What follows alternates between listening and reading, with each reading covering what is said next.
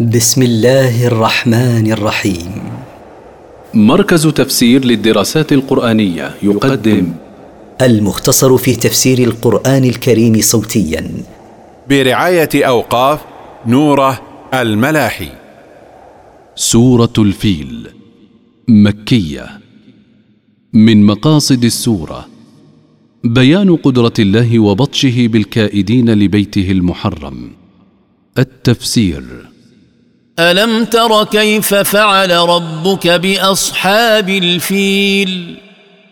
ألم تعلم أيها الرسول كيف فعل ربك بأبرهة وأصحابه أصحاب الفيل حين أرادوا هدم الكعبة؟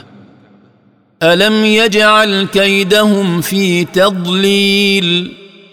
لقد جعل الله تدبيرهم السيء لهدمها في ضياع فما نالوا ما تمنوه من صرف الناس عن الكعبة وما نالوا منها شيئا وارسل عليهم طيرا ابابيل وبعث عليهم طيرا اتتهم جماعات جماعات ترميهم بحجاره من سجيل ترميهم بحجاره من طين متحجر فجعلهم كعصف ماكول فجعلهم الله كورق زرع أكلته الدواب وداسته